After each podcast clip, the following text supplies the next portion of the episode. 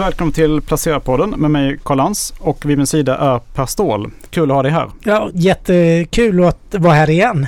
Idag ska vi få lära oss mer om eh, de trender och utmaningar som präglar eh, småbolagen i Europa nu under de tuffa förhållandena som råder. Eh, med oss idag är Francesco Conte som bland annat förvaltar småbolagsfonden JP Morgan Europe Small Cap. Very nice to have you here in our studio in Stockholm, Francesco. Thank you for having me. What brings you to Stockholm this time?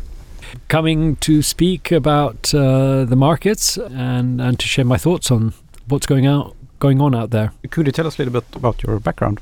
So I'm originally Italian, but I went to live in the UK when I was seven years old, and uh, I've worked in finance for over 30 years. Uh, and I've been at JP Morgan for about 23 years, I think, managing the small cap funds. So you've been managing this fund uh, for 23 years now? or Yes. yes. Well, the small cap strategies. Okay. I don't think this fund particularly, uh, uh this particular fund was launched 23 years ago. I see. And and uh, what what's your view right now um, of the markets? So markets have really. This has been a really tough year. Small companies are, to give you an idea, small companies are underperforming uh, large companies by about thirteen percent this year, year to date, um, and that, that's a really big number. To put into context, that's more or less what they did during the eurozone crisis. Mm-hmm. And that's more or less what they did also in the great financial crisis. In the great financial crisis, was about 15% less than large companies. But I suppose, you know, when I look back at these crises, you know, the Eurozone crisis was uh, an existential threat because the euro, the possibility that the euro would break up, if you think about it, would have caused chaos. It would have been much bigger than Lehman. And if I think to the great financial crisis, where you know the companies that we were investing in, uh, the day after Lehman, they were called by the banks and uh, they were told no more financing, zero. That was also a huge threat. What I see today is, you know, inflation is not an existentialist threat as such. It, it, it, is difficult, uh, but it's not comparable to those periods. And so when I look at the magnitude of this downturn, you have really good quality companies that have lost 40, 50, 60% of their value. I start thinking if I close my eyes, you know, and I think would you buy this on a two year view? I would say definitely yes. But I have to be honest, you know, when I think what happens from now to December, it's more difficult because we're now in a phase of the market where, you know, there is a little bit of panic. Um, you know, you have companies that maybe need to refinance in 2024 and suddenly they start falling because they need refinancing. But, you know, these are good businesses. They're not bad businesses that will go bankrupt. They're not the businesses that generate cash flow anyway. They're businesses that would be really attractive acquisition targets, both to industrial companies or, or private equity companies. So I think we are possibly, and this is, you know, how do you say, the more bearish you get on the short term, the more bullish I get on the long term because I feel that there's a lot now starting to be priced in in terms of, of, of outcome.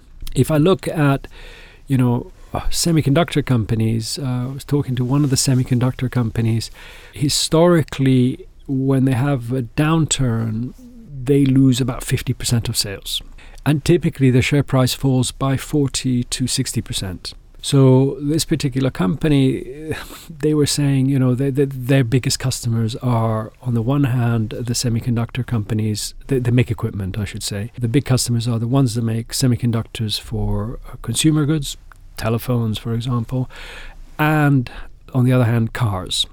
Those are the two biggest customers. And they were saying the car cycle looks very, very strong because, of course, with the electric vehicle build-up that there is for every one electric vehicle uh, car, it uses about four semiconductors compared to one combustion engine car that uses one.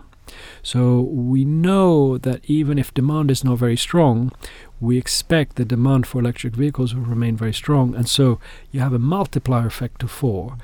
So uh, the CEO was saying, you know, it's unlikely that we will fall 50% this time because we think that the auto sales will remain quite strong. And he was saying probably, you know, if in normal cycles we lose 50% of sales, maybe this time we lose 30% of sales. But the share price has already lost 40%. So does that mean that it won't lose 60%? Uh, no, I don't know. But there's a lot in the price already. So what is what what is the catalyst that we're waiting for? It could be one of many. Um, you know, one could be that the recession happens much more quickly than central banks expect, in which case, presumably, the central banks would say, you know, stop, uh, or at least slow down, uh, or at least leave the door open that, uh, you know, they're not going to keep raising rates for the next two years. So that could be certainly one. Uh, and then there, of course, there are a number of different other you know, hopefully the war will come to an end, or um, you know, things like that. That today we don't know what the probability is, but you know, having done this job for 30 years, the unusual very often happens. So you know, we it's typically not good to be overly bearish when valuations are so cheap because usually something happens. When the market will turn eventually. Will the small cap stocks gain a lot more than, than the large cap? So historically, you know, I mentioned that we're down, uh, small caps are down 13% relative to large companies. Historically, whenever you get these periods, you know, uh, great financial crisis, even the dot com crisis, the, uh, I don't know, if you go back in history before um, the Mexican crisis, the Russian crisis, uh, so many crises. So, what usually happens is that, of course, you, you, you, when you get these extremes, something has to give. And something has to give creates a massive systemic problem. And so, of course, central banks want to avoid systemic problems, and so they usually step in and loosen monetary policy. So, when they loosen monetary policy, uh, of course, what happens is you're effectively encouraging people to take more risk. And so, smaller companies, being de facto a higher risk asset class, tend to do better just as they do worse when central banks are tightening. So, if history repeats itself, one would expect that to be the case. I mean, if you certainly, if you look um, at a chart historically, typically after you get these really bad periods, you usually have a very positive period. Do we avoid investing in, in any type of businesses in these kind of markets, or or how do you how do you invest now? Well, in these in these markets, you've got to be very very careful with leveraged companies. As I was saying before, people are really scared of refinancing. So leveraged companies, I would say, are the ones that one has to be very careful of. Normally, at this time, I'd be saying to you be very careful of cyclicals. The only thing is that the industrial companies that, for example, we're invested in, again have seen falls of 30 40%, and we haven't even seen uh, the earnings coming down yet. So, you know, valuation, I think, to a large extent reflects already a, a, a negative cycle. So, I would say, you know, I, I, I'm not as scared of cyclicals as I normally would be. At the same time, in periods like this, normally you would be going into defensives. But the problem that defensives have had is they haven't been very defensive because very often defensives are quite expensive. Mm. And therefore, because because interest rates have been going higher uh, and the discount rate is going higher, then defensives actually haven't been that defensive having said that, again, I think we're getting to value. You know, to me, historically, when bond yields, long bond yields were at 4%, we used to think it was okay to pay 20 times for a good defensive growth business. It could be hearing aids, it could be luxury goods, it could be, eh, you know, businesses that were growing. And now what I see is that, of course, these kind of companies, quality tech med companies, as, as they're called, you know, you see them on 10, 12 times. And some of them are still on around 20 times. But, you know, they're no longer on 30 times, 35 times, 40 times, which is what they were 18 months ago. So, you know, I would say that I think we're getting there also on kind of quality defensive companies. So I think there are many opportunities out there, but what we need is that central bank to say, okay, you know, uh, at least open the door a little bit. Mm. I'm not mm. saying they don't have to open the door completely, but at least open the door a little bit so that the markets can can how do you say calm down a bit? Uh, mm. Because at the moment they they they are they're very panicky. Are, are you surprised about uh, the currency uh, uh, fluctuations this year? I mean, you have the sterling, the Swedish krona has more or less crashed against the US dollar, and the euro is weak as well. Is that the problem when you're a manager? It's interesting you say this, right? Because I don't think that people are thinking so much about currencies anymore, and in partly, it, partly it's justified, uh, uh, uh and I'll, uh, explain what I mean by that you know, 30 years ago, when you used to say that a company exported, it meant that they manufactured something in Sweden and sold it in US. Today, you say they export. In reality, very often they don't. what I mean by that is that the 50% of sales as a Swedish company sells in Europe, they produce in Europe uh, the 40% or 30% that they sell in the US, they actually manufacture in the US or Mexico. What they sell in Asia, they manufacture in China. So the, the, the currency impact per se on companies, generally, of course, I'm generalizing, tends to be much less than it was 30 years ago. Having said that, you know, clearly th- there will be some benefit because it's not, you know, 100% of what is produced in Europe is sold in Europe, etc. So there will be some benefit. There will also, of course, I think, uh, be presumably a negative impact on the US companies exporting, say, to Europe or Asia. So I agree with you. At the moment, the market doesn't seem to be focusing so much, but certainly for Europe, it should have a benefit, although that benefit is not what it would have been 30 years ago. From a systemic risk point of view, the dollar can't keep going up. Otherwise, it will create problems because, of course, the more the dollar goes up, or the weaker the euro becomes, or the weaker the euro- krona becomes, of course, the more I- inflation we're importing in Europe. So at some point, it just can't keep going forever. And so, you know, that, that, that is something that will have to change as well. And presumably it will change when central banks start slowing down their tightening. Is it particularly easy to find uh, good companies in UK at the moment? So we generally we keep the UK fairly neutral, and the reason for that is that the UK is about 32 percent of the index, and obviously the pound is, is, is impossible to, to, to predict, or currencies are impossible to predict. So we tend to keep it neutral. What we've experienced in the past is that maybe not on a 24 hour view, but on a uh, two, three, four month view, you know, what you m- lose on the currency you make on the stock market or vice versa. So we're not too worried about the pound per se. Um, you know, it was very, very weak ago, a week, a week ago, and now it's strengthened. But usually the share prices sort of change. Um, the UK has been a tricky market. Uh, it's been very difficult to find good opportunities. But, you know, historically, there are great companies in the UK that have done very well for the fund. You know, and again, as I say, on markets, one of the most difficult things to do is to market time. So, you know, you could say, oh, I go to zero in the UK today, and then suddenly find that it's moved uh, because uh, for whatever reason. So we just say, no, it's it's such a big component, and, and, and market timing is so difficult. We generally keep it quite neutral compared to the benchmark. Mm. And and your second largest country exposure is Sweden. if I'm right.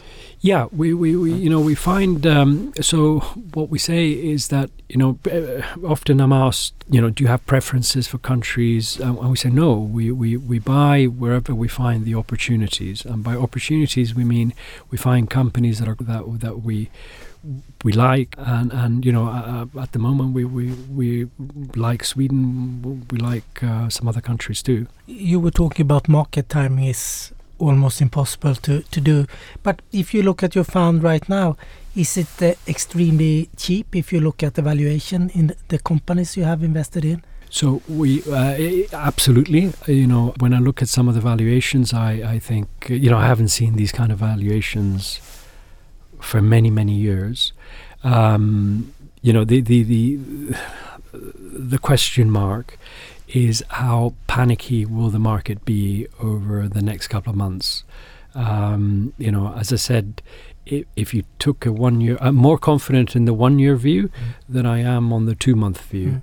Mm. Um, because on the one year view, it's exactly as you say, you look at the valuations and say, these are really attractive. Um, but markets are very panicky and very nervy at the moment. But, but do you find everyone panicking? I mean, you're working for one of the largest banks in the world. Do you, do you do, do you feel a panic in the when you go to the office about other uh, PMs or? No, I mean, um, when I say panic, yeah. I, I, not on the overall market, yeah. but on single stocks. You know, okay. uh, mm. if, if the uh, small news flows uh, mean the shares move five, uh, ten percent. Yeah. Uh, that, that's what I the, mean. The volatility. yeah, the volatility of single stocks is, is quite high at the moment. Uh, why do you think is that? No, no, I think I think the reason is caused by the fact that you know we start worrying about the two next months I think that's a problem that maybe a company comes out with bad news and and and, and you know so there are sellers yeah. for that stock. And the reason they lo- lose 10% is because people are a little bit afraid of, of buying because the markets are um, under strain. Uh, and I think that's you know one one thing leads it's self-fulfilling in a way. And I think that's what's sort of happening right now, that it becomes a little bit self fulfilling. And, and, you know, the circuit breaker for that fear, I guess, I, I suppose, is, is if market had some kind of more certainty as to the direction of interest rates. In the absence of that certainty, markets remain quite nervous. If you look at Bank of America's the statistics, according to the last one, the the, the cash do you running with a big proportion so, of cash? So at the moment, uh, we're, we're, not running with. So overall, we're running a, a, a low level of risk. Uh, so our beta is below one, which means we're running, you know, more conservative. We are a little bit reticent or a little bit nervous about running, you know, so we have very little cash. Uh, but the reason for that is that we're a little bit nervous about being overly negative because really of valuations. You know, valuations are cheap enough that if there were a catalyst, which might be a central bank uh, um, slowing down their tightening, or, or a peace, maybe, or peace, maybe, we, we could see a very, very fast rally. Mm. Um, you know, if we look at the inflation the inflation numbers are, are, frustratingly high, if I could say it that way. Um, but you know, inflation uh, if you look at the forward leading indicators of inflation, so you look at commodity prices, um, you look at energy prices, um, etc., they're all actually coming down. So one would think uh, that in the next two, three months, I, I, sorry, the reason why I think this the inflation staying high is because, of course, the companies today are selling in general what they made three months ago and three months ago commodities were much higher. But once they sell what they're making today, it's going to be cheaper. So I'm hoping very much that we are at some kind of peak of inflation. It's just frustrating that it's taking so long uh, to stay here. So, you know, if inflation turns down or starts coming down, which we hope will happen over the next few months, you know, that would give us some breathing space. It would give the central bank some breathing space uh, and certainly take away some of the fear that is in the market right now. If we are looking beyond this crisis, uh, what trends are you investing in? So, I mean, I think one of the biggest trends is definitely the uh, let's call it the renewable uh, electrification more generally. Uh, what I'm what do I mean by that? Mm, Yes, you have renewables, which are good businesses. We like them; they're growing fast, quickly, and, uh, and there's more and more demand. You know, talking to one of the renewable companies we're invested in. They were saying, you know, some of our industrial customers come to us and they say, "Can we buy?" electricity from you and they said "Mm, from 2025 uh, all the capacity they have until 2024 is, is, is sold out. So they're good businesses um, you know we have uh, uh, some exposure there. The electrification f- sector i think is really attractive. So you have for example, companies making high voltage cable. You have companies, installation companies. You know, if you think uh, the the, for example, installation companies. You know, until now, electrical installation companies have been installing the electricity in a building, but of course now there's much more added value because it's all about energy efficiency in a building. But not just that, because now they're installing heat pumps before the heat pumps were not installed by electrical installers because they were gas. Today, instead, heat pumps are an electric component. So there's a lot of growth, and actually, we're hearing from a lot of sources, including the companies making, for example, heat pumps, that you know a, a bottleneck out there is semiconductors, but another bottleneck is also installation capacity. So we like that. We think that's a great sec- uh, uh, sector, and then you know the beauty of small caps, and this goes back forever, and I think it will last forever, is that right now there are entrepreneurs out there working on some product that we uh, maybe have never heard of, or, or maybe even if we have heard of it, we don't realize that the market is growing for this product. And then, you know, in three years' time, they will come to the stock market. And as a small cap fund, we will be the first people to be able to buy into these these companies. And that is what is so fantastic. You know, if I look at the last, eh, because, you know, the, the IPO market, uh, the new issues market at the moment is really, really It's quiet. now. It Mm. is completely stocked. But if I look at the kind of things that were coming to market, you know, th- they're really fantastic companies and it's never going to stop. You know, these companies are working right now. They're just not coming to the market because the conditions are so bad. But um, you know, there'll be other trends. Other, there always are. How big is this trend in your fund? What's the proportion that you in in these kind of areas. Yeah. Uh, north of ten percent, because obviously, you know, we're we're, we're a diversified fund. We're not. Uh, Not very thematic in that No. direction. But you you know, that's one of the themes. It's a growing theme, I think. eh, As you as you said, you you can play it differently. For you can play it with the semiconductors as well as the The- cable. you know, there, for example, um, electrification is also in cars. Mm. Um, so, um, and as we were saying, you can play it also via. There are some semiconductor companies sell a lot to the car industry. So there are different ways of playing electrification. And you're also uh, managing the climate change solutions fund. Yes. Yes. That uh, is more recent fund. It was launched in December. Uh, it's a global fund. It uh, it really tackles two big themes, or or rather, uh, has two solutions to tackle one big theme, which is the reduction of of CO two emissions in the world. And the two themes, of course, are one is electrification, which I've mentioned, uh, uh, uh, uh, i.e., finding a replacement for fossil fuels, um, and that is renewable energy. And on the other hand, it's replacing fossil fuels in cars with electric cars. And the other one, a really big theme, is um, energy efficiency or resource efficiency, because obviously, you know, in the 70s, per capita consumption of energy fell by about 10%. And if you think about it, in the 70s, we had no technology. Today, we have technologies which can achieve much greater efficiency. You know, if you take say software that can manage a building it can reduce modern building you can reduce the electricity consumption by something like 30 40% by installing you know um, software sensors so that when we walk out of this room everything switches off the central heating the lights etc so energy efficiency is going to play a major theme. And the beauty about energy efficiency is that it can really make an impact today.